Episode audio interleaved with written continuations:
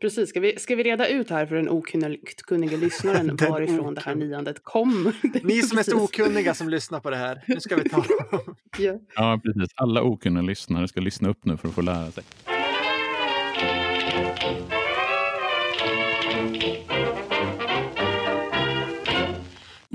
Lisande lagom. Välkomna till Lysande lagom, podden där vi pratar om svensk kultur, svenska språket och om att lära sig svenska. Och det är med mig Emil Molander, med den eminenta Sofie Tegsveden Duvå Hej, hej. och med experten, författaren Mattias Axelsson. Hallå, hallå. Mattias som har skrivit boken Tacos tvättstuga och Tack för senast.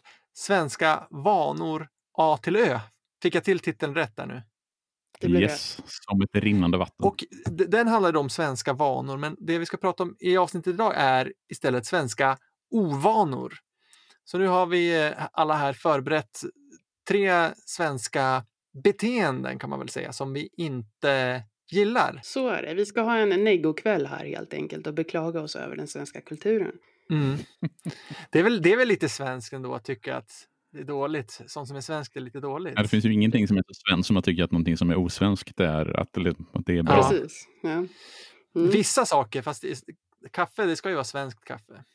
Och ska det vara svenskt Mm, alltså mat ska vara svenskt, kött ska, svenskt ska vara kött, eller kött ska vara svenskt, och så, men beteenden gärna osvenskt, gärna Okej. lite kontinentalt. Ja, ja men då, då, då, då beter vi oss ju lite svenskt nu när vi... Det här blir väldigt meta. Okej. Med. Mattias, du får börja. Berätta. Ja, eh, det första som jag tänkte på som jag faktiskt irriterar mig på, på riktigt ordentligt, det är det här beteendet som har börjat liksom komma mer och mer. Det här att man niar varandra. Eh, Mm. Framförallt om man är expediter i butiker och sånt Mm. där. Vill ni ha någonting mer? Och så vidare. Det kan störa mig till vansinne. Precis, ska vi, ska vi reda ut här? Ja, men så här är det ju att i Sverige så är ju liksom, vi duar varandra och det har vi gjort sedan 60-talet åtminstone. Och problemet med att nia varandra så som många, framförallt i kanske en yngre generation har börjat göra, det är ju det här att, att nia varandra, det är ju inte ett fint tilltal. Man gör ju liksom, det är ju inte att man upphöjer någon att säga ni till någon, utan när man före du-reformen tilltalade varandra och skulle liksom göra en markering att någon var finare, då tilltalade man- den personen med titel. Alltså, Författare hur- Axelsson. Ja, precis. Hur mår författare Axelsson? Eh, eller hur mår lektor Jonsson? Eller, ja, och så vidare. Alltså att nia någon, det var ju någon som inte hade en titel.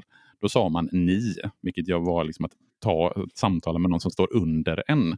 Men, men Mattias, Mattias, är inte du lite av en traditionsfundamentalist nu som, som liksom försöker hävda att, att ett historiskt bruk av ett ord liksom, nu ska liksom berätta hur vi ska använda det nu för tiden? Oj, Ja, där fick du honom. på mig där. Damn. Eh, alltså, nu tog jag det här, liksom, den här listan utifrån min, min, min roll som privatperson. Ja, som traditionsexpert hade du frågat mig, då, då hade jag givetvis sagt någonting annat. Att, att Eh, språket förändras och det är bara att acceptera. allting är liksom att det bara är att acceptera traditioner i förändring och så vidare. Det är ju liksom den officiella linjen jag alltid kör i andra sammanhang. Men det är lite roligt det där, för det finns ju ett, ett spår i vårt språk från den här tiden när det var lite, alltså, det var ju lite besvärligt det där när man eh, inte fick säga du till varann och ni var lite ofint. Att man var tvungen att veta vad folk jobbade med. Det gick ju kanske Mm, bra när man inte visste det. Ja, när man inte visste. Eller vad, det, eller vad deras män jobbade med, säger jag här nu, som, som Ja, just det, just det, representerar just det. kvin, den kvinnliga rasen. Ja. Professorska och sådana grejer. Ja, men, men det har ju, det, det är väl någon, eh, det är väl något skämt egentligen det här eh, från den tiden. Man skulle skämta om det här att folk inte visste hur de skulle tilltala varandra. Att man använder passiv form istället. Man säger Mm. hur mås det? Mm. Eh, och, sen, för att, och så var det roligt då. Och sen så för att driva det ännu vidare så sa man has det hund? för att, sådär. Men hur mås det kan ju folk säga idag fortfarande. Ja. Men det där var väl någon Ja. sketch, eller känner du till det där Mattias? Var det Nej, det, det, det var faktiskt nytt för mig, för jag har alltid liksom trott att det var liksom så man faktiskt pratade med varandra när man inte kände ti- till titeln, där som hur mås det, has det hund, eh, alltså på det sättet. Eh, Jag tror att just de två kommer från någon, kanske någon skämtteckning eller sånt där. Om jag inte minns fel. Men det var ju, ett, det var ju ett, uppenbarligen ett problem att man inte visste hur man skulle tilltala varandra. Jag känner lite nostalgi här och skulle tycka det var ganska trevligt om vi började prata så med varandra. Hur mås det? Ja, men jag säger hur mås det ibland. Ja. Men inte has det. Nej, det är, det är lite väl. Lite för extremt för min part. Men, men, men för att komma tillbaka hit, Mattias. Jag tänker, du, är ju inte en, du var ju inte ens född när, när eh, du reformen ägde rum. Men varför, varför irriterar... Du har ju, kan ju inte ha något personligt minne av att ni användes till, liksom, eh, till att prata med folk som stod under i hierarkin eller någon som saknade titel. Så varför irriterar det dig Nej, men, som det, det, är privatperson ju, så det mycket? är just det här att jag tycker ju verkligen genuint att det här att dua varandra är någonting positivt. Alltså jag gillar den här idén Mm. att man säger du till varandra för det visar på någon form av jämlikhet. Att vi liksom vi är Mm. du, du och bror med varandra eller du och syster om vi nu ska ta båda könen i sammanhanget. Eh, att liksom nia varandra, då blir det här att man, man, man vill liksom indikera någon for- form av hierarki. Och de liksom expediter som säger ni, de gör ju inte det för att vara nedlåtande, utan de gör ju det av någon form av Nej. okunskap. Men det blir ändå att den expedit som säger ni till mig ser ju sig själv som att den personen står under mig, att jag som kund då ska stå Mm. över expediten. Eh, och jag gillar ju inte det, utan jag tycker att men du är ett bra sätt att tilltala varandra. Jag håller med. Det skriver vi under på här, tror jag. Vad Skönt att inte vara emot mig där. Sofie, vad stör du dig på? Alltså en sak som jag ser nästan som ett institutionaliserat beteende, det är den här svenska nakenheten som jag som privatperson då irriterar mig enormt mycket på. Jag tycker det är jättejobbigt att man i Sverige förväntas tycka det är bekvämt att liksom visa sig naken med andra människor. Och jag bodde länge i Storbritannien och det var helt fantastiskt att gå till simhallen där. Man fick sitt eget lilla bås där man bytte om. Och sen när man hade bytt om till sin baddräkt då gick man liksom och duschade i baddräkt tillsammans med andra. Om man ville hoppa över duschen så fick man gärna göra det. Liksom. Men, men i Sverige här så, som, så kan, kan man inte vara så där pryd som jag är, utan man måste liksom gå in i, i, i, i simhallen liksom och ställa sig i ett stort öppet duschrum helt näck. Och det absolut värsta som kan hända det är när man liksom träffar någon man känner och plötsligt ska stå, ja men jaha, hur är det med dig då? Liksom utan kläder. Jag tycker det är jättejobbigt. Alltså jag vill införa liksom en, ett mycket, att man kan liksom se till att vi som inte vill visa oss nakna, att det ska finnas liksom Mm. möjligheter för oss att röra oss fritt i samhället också. Jag tror du får som du vill. Det- Jag tycker det verkar vara på väg dit. Till exempel i skolan nu, eh, skolorna så har de ibland duschdraperier och sådär för att folk... Är det sant? Ja, för folk börjar fota varandra i Ja, skolan. men jag, tror, jag tror också det. Att det finns en sån, eh, alltså väldigt tydligt bland alltså, yngre säger 20-årsåldern och neråt, eller runt omkring där, att det är liksom en, en helt en, en annan syn på nakenheten. Och, och jag Ja. kan ju liksom jämföra. De duschar med kläderna på. Ja, men och basta med kläderna på och så liksom är väldigt mycket Ja. mer. Alltså, går du till ett omklädningsrum, eller åtminstone bland herrarna där jag liksom vistas när jag byter om, eh, så ska gå och simma och så vidare, så är det framförallt en äldre generation, de som är äldre än vad jag, alltså kanske 50-60-årsåldern. Det är de som tycker, alltså de har ju inga problem att visa sig nakna medan ja, men till och med min generation som är födda på 70, sent 70 och 80-talet har en mycket mer prydhet kopplat till nakenheten. Tror jag i alla fall. Trendspaning här, vad, vad, Mm. vad positivt det känns. Men du, jag håller inte med dig. Jag tycker det är ganska bra i Sverige att, man, att nakenhet inte alltid är kopplat till något sexuellt. Att, att det inte Ja, fast, där det det, det där tycker jag också är väldigt bra och det där försöker jag förklara ganska mycket till folk som kommer från andra länder. Att, att, att det är ganska avslappnat just på grund av att, att det inte finns såna liksom sexuella konnotationer. Men, men jag är inte liksom rädd för att vara naken på grund av det. Det är liksom att jag känner mig tjock och ful och jag vill inte att någon ska se mig liksom oavsett kön. Så att, och det är det som jag tycker liksom känns lite jobbigt, att, det finns någon, att, att man förväntas vara så himla bekväm med sin egen Mm. kropp och, och liksom att kroppen på något sätt också förväntas vara i väldigt gott skick. Liksom. Jag, vill, jag vill vara någon slags liksom, hjärna som, som, som, som liksom, kro- kroppen är någon slags container eller liksom kärl som fraktar den här hjärnan. Jag vill absolut inte att någon ska märka Men- att det finns något mer än det. Men du får väl börja träna? Nej, jag skojar. Nej, men jag, jag, jag tänker, alltså, det är, var, var det inte så liksom att när den här idén om nakenhet, så som, för det är ju inte jättenytt, eh, eller har inte funnits, jag tänker så här att nakenheten som idé i Sverige, den går ju liksom tydligt tillbaka till 60-70-talet. Alltså de som, de som var, Mm. växte upp då eller de som blev vuxna under 60-70-talet.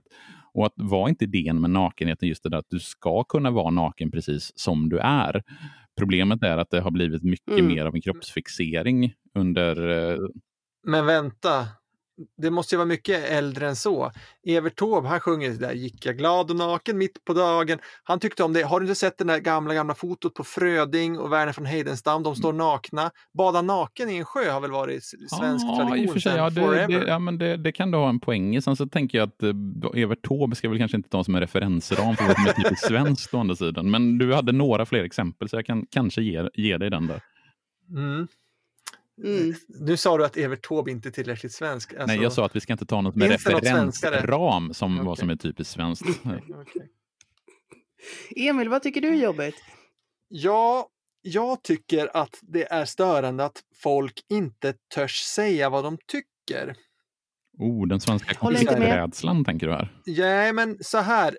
Folk säger vad de tycker, men man kan inte bara säga jag tycker så här, utan man säger ja, jag tänker att vi kanske borde. Eller så säger de, jag kan tycka att det vore bra om vi gjorde så här. Eller så gör man det här som de alltid gör på till exempel på tv, på dokusåpor och sådär. istället för att säga jag gjorde det här så säger de, ja, man blir lite nervös.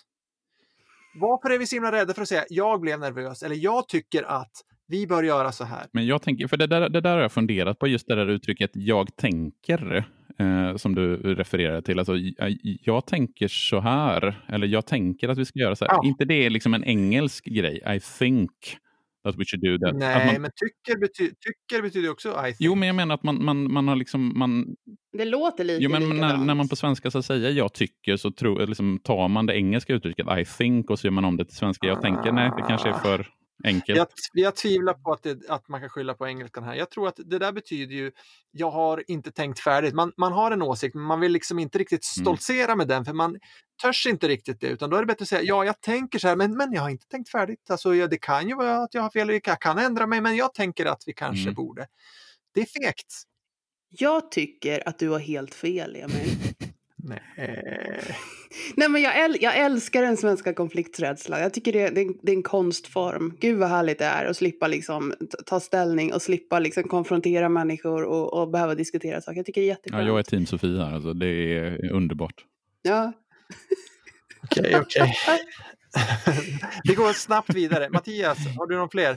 Ja, en sak som, jag vet inte om det är ett beteende eller som ett specifikt beteende, men någonting som jag eller stör mig på eller som jag tycker är jobbigt, det är det här att eh, det är väldigt oklart hur man ska hälsa på varandra beroende på, eh, alltså personer man känner väldigt väl, där brukar man liksom ha kunnat utveckla, liksom, utveckla en kultur för om vi kramas eller om vi tar hand eller om det blir kindpuss eller vad det nu är.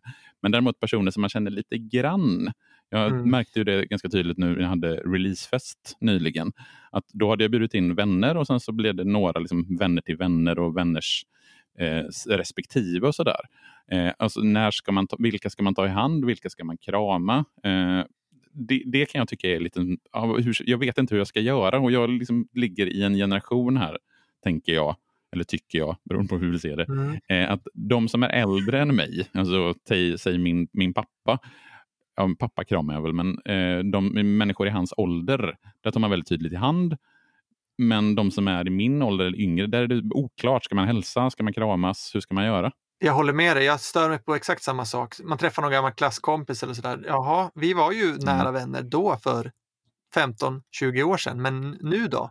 Mm. Precis. Då, då, brukar jag titta ner i mobilen liksom, så att man inte mm. låtsas inte känner igen. Det också en, Det är smart.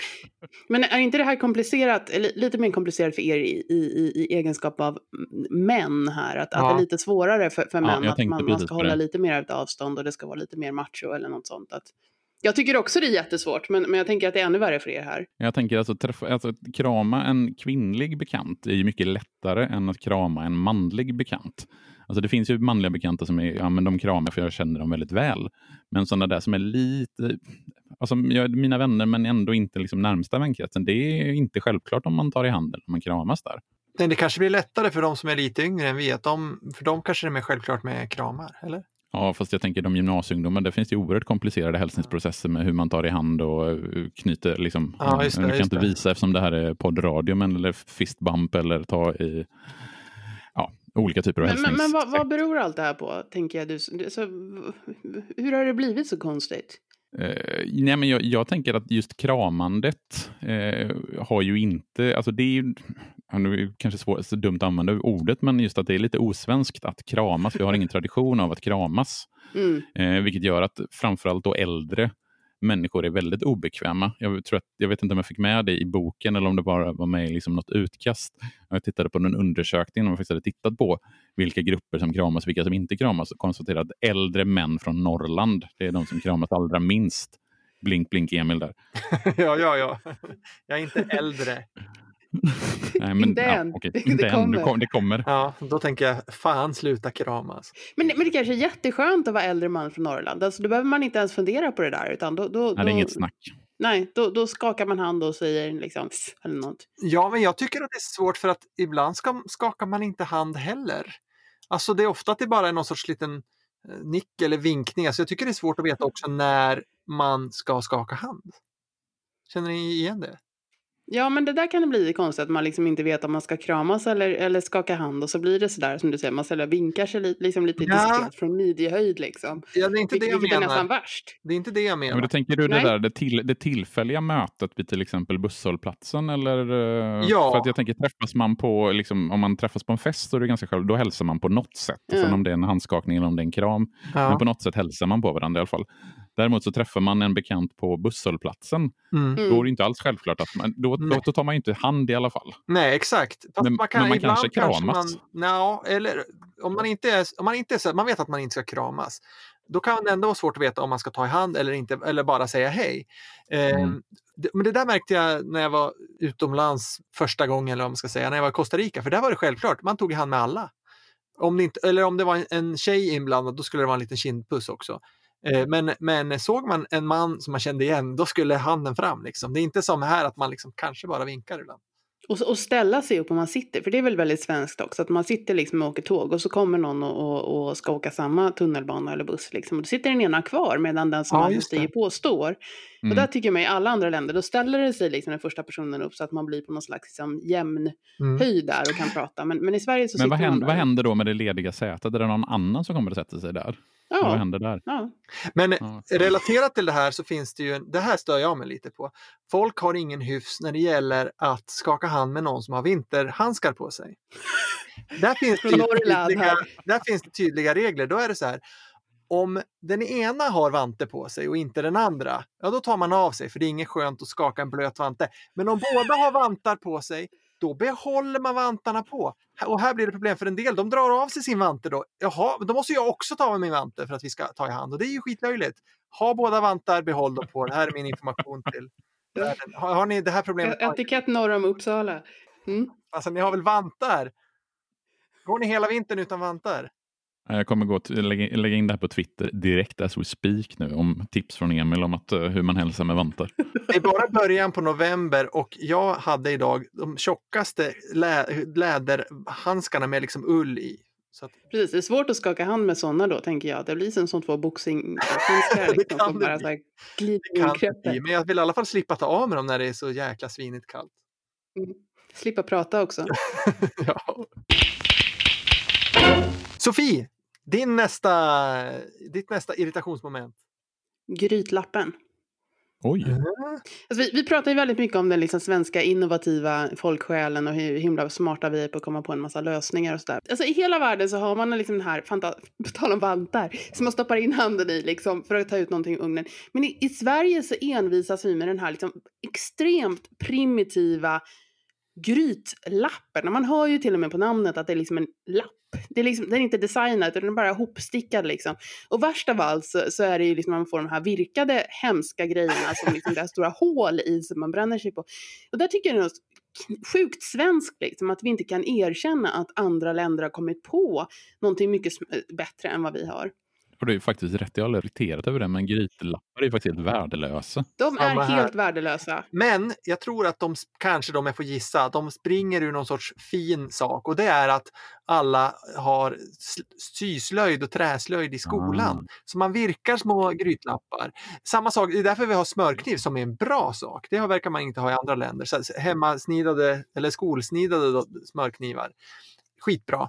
Jag tror grytlapparna kommer från samma håll där. Slöjdupproret. Jag tycker vi ska crowdsourca ett eh, recept, tänkte jag säga, mönster till så att vi får alla de här andra klassarna att sy grillvantar istället för gryt, grytlappar. Eh, för att rädda, rädda deras föräldrar, stackars fingertoppar. Mm. Emil, nummer Mm. två här på din lista. Mm. Jag, nu kommer ni inte hålla med mig igen. Jag stör mig på att svenskar ofta pratar om den svenska avundsjukan. Jag hatar det där uttrycket. eh, Och, för jag påstår att det är fel. Det, det är inte, svenskar är inte avundsjuka. Inte mer än någon annan i alla fall. Det är fånigt, jag tror inte på det. Det är det ena. Det andra är också att, att, vara, att vara avundsjuk är inget dåligt. Det är missundsamhet som är dåligt. Ah, den är. Mm. Den har du tänkt igenom. Mm. Det Det märker här har jag tänkt på i många år. Men, men, alltså, Vad, vad, vad säger experten? men vad är det du menar med att den inte finns, den här avundsjukan? Ja, men vad är det som är svenskt med avundsjuka? Vad är det för något? Vad är det man menar? Nej, men är det inte lite den här, nu är ju inte jantelagen en svensk det är ju en eh, norsk eller vad är det, dansk, norsk är det va?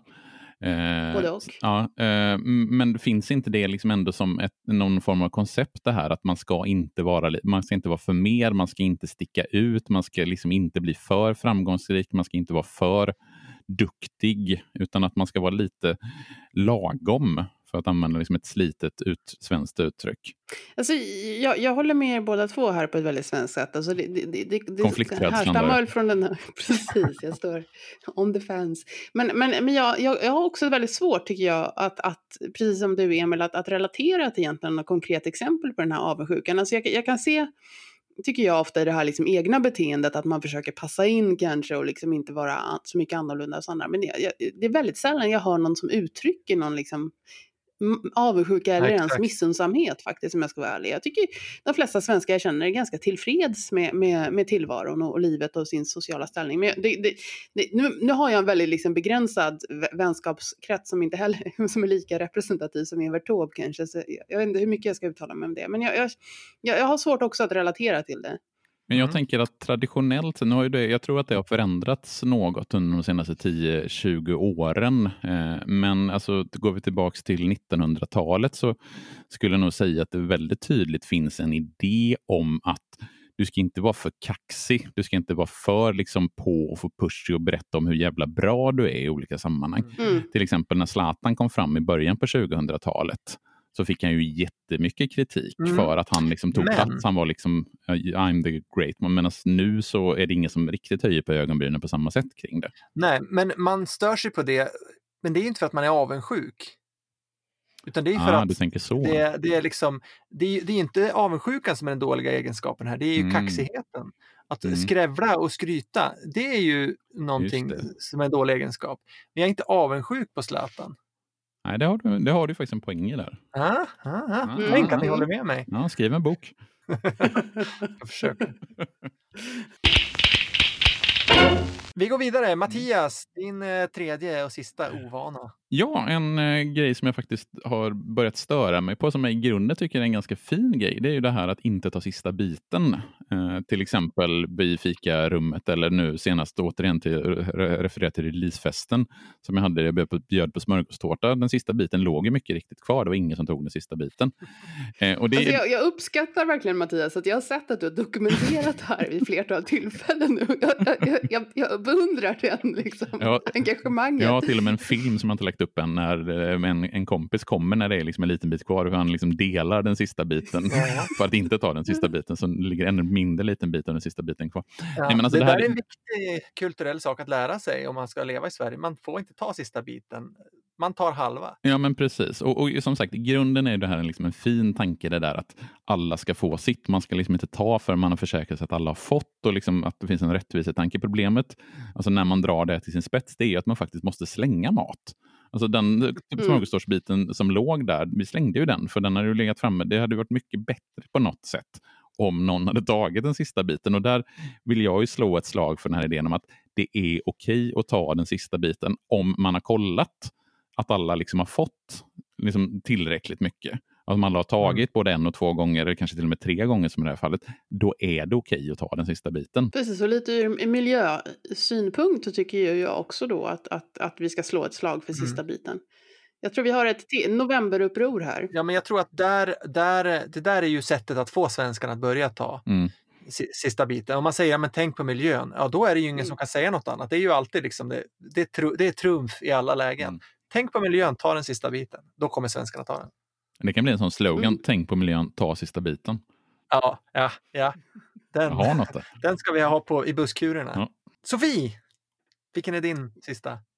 Ja, jag vet inte om jag ska kalla det här ett beteende, men en sak som jag irriterar mig på, det är ju de här nyttiga frukostarna. Och då tänker jag särskilt på nyttiga frukostar i så här liksom publika eller jobbsammanhang. Eh, när man får en sån där riktigt, riktigt träig, liksom frans, frallformad brödbit full med sallad. Eh, och som alla vet så passar ju sallad och bröd liksom inte ihop. Men, men då envisas varenda jävel liksom med att prata om hur himla gott det är med de här hemska brödbitarna med sallad. Och det, det tycker jag liksom, det, det är verkligen en ovana. För nu har det blivit en så stor grej att ingen, ingen vågar säga att det här faktiskt inte smakar bra. Alltså menar du när man får en sån här brötchen med typ smör och ost och en sall- ett salladsblad på och paprika? Ja. Är det det du menar? Ja, precis. Liksom, Det är paprika och så! Du är ensam i Sverige med att inte gilla Jag tror det. faktiskt att du är det. Vad tyst det blev här nu. jag, jag, jag, jag, jag, jag, jag, känner, mig helt stum här. Alltså, bröd är jättegott. Ja. Eh, bröd och smör, bröd och ost, bröd och, och någon slags liksom, fläskform. Eh, sallad är jättegott också, tillsammans med annan sallad. Liksom. Sallad och tomat, sallad och gurka, jättegott. Men tillsammans så blir det ju den här liksom, gräs möter gammalt husvägg. Nej, men det blir ju en fräschör, en krispighet om du lägger ett salladsblad och Mm. en gurkskiva ihop med till exempel smöret, osten eller skinkbiten. Det gör ju liksom att det lyfter ju smörgåsen. Det är ju en briljant idé att lägga en salladsbit och en gurkbit Mm, eller en tomatbit ja. i smörgåsen. Där har du helt fel. Du har helt fel Sofie. Men, jag, men jag, jag tror att det här är en svensk ovana, för jag har aldrig någonsin i något annat land sett en, en liknande kombination. Och jag tycker också att det borde vid svenska liksom, frukostbufféer finnas lite fler va val. Men, men jag tänker, möjligheter. det är, jag, är, skulle det vilja, ju, jag skulle vilja tänka mig en taco-liknande liksom, frukostbuffé, att man får fylla sitt bröd själv. men jag tänker, är det liksom just den här mackan med gurka och sallad som du irriterade på? Eller själva idén Ja. om en nyttig frukost? Alltså idén över en nyttig frukost ska jag komma över. Jag förstår att, att, att alla vi människor har liksom olika smak och olika preferenser. Det kan jag acceptera. Men, men, men att jag ska tvingas på den här eh, mackan och att, att, att, att, att den har blivit liksom standard och, och dessutom att det, att det råder det här liksom konsensus om att det är så himla Mm. gott. Det, det, det, det stör mig. Ja, intressant alltså. För det, Nej. nej. men jag, jag tror precis som du säger att när man är utomlands så det, du får ju inte den typen av frukost i något annat land. Liksom. Det är ju väldigt typiskt svenskt det där att vilja ha en nyttig frukost. Ja, alltså om man åker typ till, till södra Europa, då är det ju verkligen liksom, alltså, det är det är väl mer åt andra hållet. att Man kan få, precis, att det är liksom tårtor och grejer till och med. Om, Eller om man typ har en cigg och en kaffe. Eller. Och, och sen i vissa delar av, av världen så äter man ju liksom mat, att man äter typ ris och kyckling till, till frukost. Ehm, ja, Ja. Ja, eh, hellre ris och kyckling då än en smörgås med sallad på. Nej, för det är ju någonting av det jag kan sakna allra Ja. mest när jag är utomlands, just den svenska frukosten. Eh, att få, ja. Ja. men få en macka med sallad och ost och gurka på, det är ju, det är värt att längta efter när man är utomlands. Men är inte alla människor oavsett liksom hemvist väldigt så här frukostkonservativa? Att, att, men det kan vara jättekul att testa något nytt och spännande till lunch eller middag. Liksom. Men, men till frukost så ska man ha det här som man, liksom, Jo, men det är så som man är van vid. Och samma varje dag. Jo, men det är väldigt tydligt så att vi är extremt konservativa när det kommer till frukostvanor. Alltså det har ju inte förändrats egentligen i någon större utsträckning de senaste 30-40 åren i hur vi äter frukost i Sverige. Ja, men vissa små detaljer, kanske inte att man äter lite mindre fet yoghurt, man kanske har lite andra typer av ostar, men basically så är det fortfarande samma frukost som jag åt när jag var liten eh, och till och med kanske som mina föräldrar åt när de var små. Så att frukostvanorna är ju extremt konservativa till skillnad från lunch och middagsvanor. Alltså, det är väldigt många som äter cornflakes och brandflakes och alla sådana här Kelloggs produkter. Det kan ju inte folk ha ätit för hundra år. Nej, inte för hundra år sedan, men om alltså, vi går tillbaka till... Jag åt ju cornflakes när jag växte upp Ja. eh, på Mm, 70-talet. Men helt annorlunda lunch Ja, antagligen. precis. Att lunchvanor, framförallt middagsvanor, ändras just ju extremt mycket snabbare än vad frukostvanorna gör. Alltså det, visst, det, det är lite grann förändringar med frukostvanor, men det är ju den måltiden på dygnet där vi är mest konservativa. Man, ja, precis som Sofie sa, att man kan ju äta samma frukost i princip liksom fyra veckor i sträck utan att någon tycker att det är konstigt. Man kan ta samma yoghurt, samma müsli, samma kopp kaffe utan att någon överhuvudtaget höjer på ögonbrynen för det. Hur som helst så efterlyser jag alltså någon av våra lyssnare här som, som, som gärna äter någonting an annorlunda till, till frukost. Framförallt någon, som, någon som mer hatar, som hatar sallad lika mycket som du gör. Alltså sallad, sallad med sallad är okej, men inte sallad med bröd. Emil, vad vill du klaga på? Eh, den här sista då, den är lite, den är lite löjlig. Mm. Men jag, jag har ett brinnande hat mot det här. Och det här jag riskerar också att outa mig själv som någon sorts snobb. Men det här, ehm, det här kommer... Jag började tänka på det när jag läste en sån här Magdalena Ribbing-spalt om det här. Och det är att det har gått inflation i stående ovationer. Oh. om man går på teater eller någon så här där man lyssnar på musik men sitter ner. Då efteråt så ska man ju applådera och så springer de aktörerna ut och så springer de in igen och så, och så applåderar man flera gånger, så in, inrop. Men folk ska alltid ställa sig upp numera. Man har totalt devalverat den stående ovationen som tidigare var liksom någonting som var man sparade till någonting som är helt fantastiskt. Men nu när man går på teater eller liknande så ställer sig alla upp direkt. Är inte det här någon slags reaktion mot, mot det lutherska och återhållsamma och det lagomiga och, och sådär? Jag tänker, alltså, det, är väl in, inte bara de stående ovationerna som det har gått inflation i, utan liksom allt möjligt. Att, att det är ju mer lyx och flärd eh, i mitt ja. liv nu än, än vad det var för 30 år sedan. Jag tror att det snarare är så att det är fler som går på teater nu Ja, men det är det jag menar. Alltså, det, det, det, vi, vi, går mer på teater. Jo, vi... men folk som inte vet hur man beter sig går på teater. Alltså, ursäkta om jag låter hemskt. Det är väl det. Att tidigare så gick man på teater och då var man van och då vet man hur man applåderar. Då var det bara ni som kunde som Nu kommer kreti och pleno. Ja. Vilket är jättebra såklart. Jag menar inte så. Men, men, och sen en annan sak är också det här själva applåderandet. Men, men, men, men, Emil, men Emil, är det här något svenskt? Ja, ja, ja, ja, det här är i Sverige. Så det, det, saknas alltså vad ska man säga, teateretikett bland, bland de svenskar ja. som, som egentligen inte mm, vad ska ja. man säga, har, har förkunskapen för att kunna eh, njuta av den här konstformen? Nej, alltså jag tycker bara att folk ska lära sig hur man applåderar och att man inte ska ställa sig upp om det inte var fantastiskt bra. Spara den. Och då ska man spara det, det till när Birgit Nilsson blev inropad 75 gånger. Jag eh, tror det var i någon ja. konsert i Wien på 70-talet.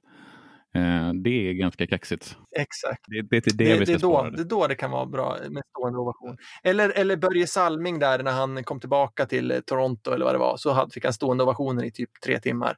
För att han var så bra. Precis, det är sånt man minns. Ja, nu känner jag att det här är ganska skönt att det inte är jag som blev den här liksom kultursnobben för, för en gångs skull. Men, men så, så, så, på det sättet är jag tax, tacksam för det här inlägget. Men vad, vad säger egentligen vår expert här om Emils eh, Ja, alltså jag, jag blev, reagerade lite precis som du. Alltså, är det här verkligen något typiskt svenskt, just det här att inte kunna bete sig? Och, eh, alltså, det ligger väl någonting i det som någon, någon av er sa, just att ja, men, kanske beror det på att vi har en lägre tröskel för att gå på finkultur.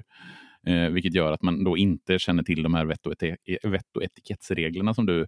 Jag, hade ingen aning, jag har ingen aning om det som du sa nu. Eh, jag mm. går ju väldigt sällan på teater, jag går på fotboll ganska mycket däremot. Uh, och då kanske inte riktigt samma regler gäller det. Men i och för sig, du har en, ja, nu, när du, nu när jag tänker på det, så har det ju lite grann också där mm. gått inflation i hyllningar av spelare. Uh, alltså hur man, hur man uppmärksammar. Alltså när jag började gå på fotboll, det, någon gång i mitten på 90-talet, uh, så var det ju extremt ovanligt det här att man, man hyllade enskilda spel eller avtackade. Nu sker ju det Eh, så gott som varje säsong att man avtackar spelare och har någon form av liksom stor grej kring det. Och Jag tror att det har blivit vanligare. Och Jag vet inte om det direkt går att koppla till det du pratar om teatern. Alltså, jag, jag, mm, jag, det det jag tror jag ser någonting liksom i, i allmänt, även liksom språkbruk, att, att det är många som tycker att saker är fantastiska och helt underbara och sådär. Och, och det finns väl också någon liksom grej med sociala medier om att liksom allt är finaste. Alltså det finns den här liksom superrelativkulturen som jag tror är ganska ny eh, i Sverige, men säkert på andra, andra platser också. Och också att vi lever i ett liksom stort välstånd och det är fler som har råd att gå på teater och gå på teater ofta och gå på fotboll och, och roa sig på en massa liksom olika sätt. Eh, och det tycker jag är jättepositivt. Alltså, me, mer, mer mm. teater åt folket liksom och, och låt dem komma in dit och, och klappa fel. Det, det, känns jättepositivt för mig. En, sve, en, en svensk vana som jag vill hylla Men jag sitter ner då och klappar, för jag vill ju spara min stående ovation till något som är riktigt bra.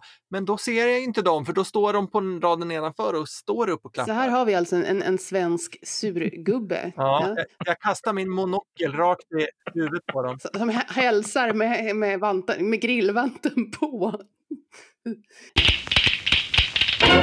Mattias har ju skrivit en, en, bok här som heter Tacos tvättstuga och tack för senast svenska vanor A till Ö där han har kartlagt hela den svenska kulturen. Men om, om man nu har råkat läsa den här boken och tycker att någonting fattas så tar vi gärna emot bidrag på eh, uppslag som, som borde vara eller borde ha varit med i boken. Så hör av er på redaktion.lysförlag.com. Då kanske du får ett trevligt svar från oss.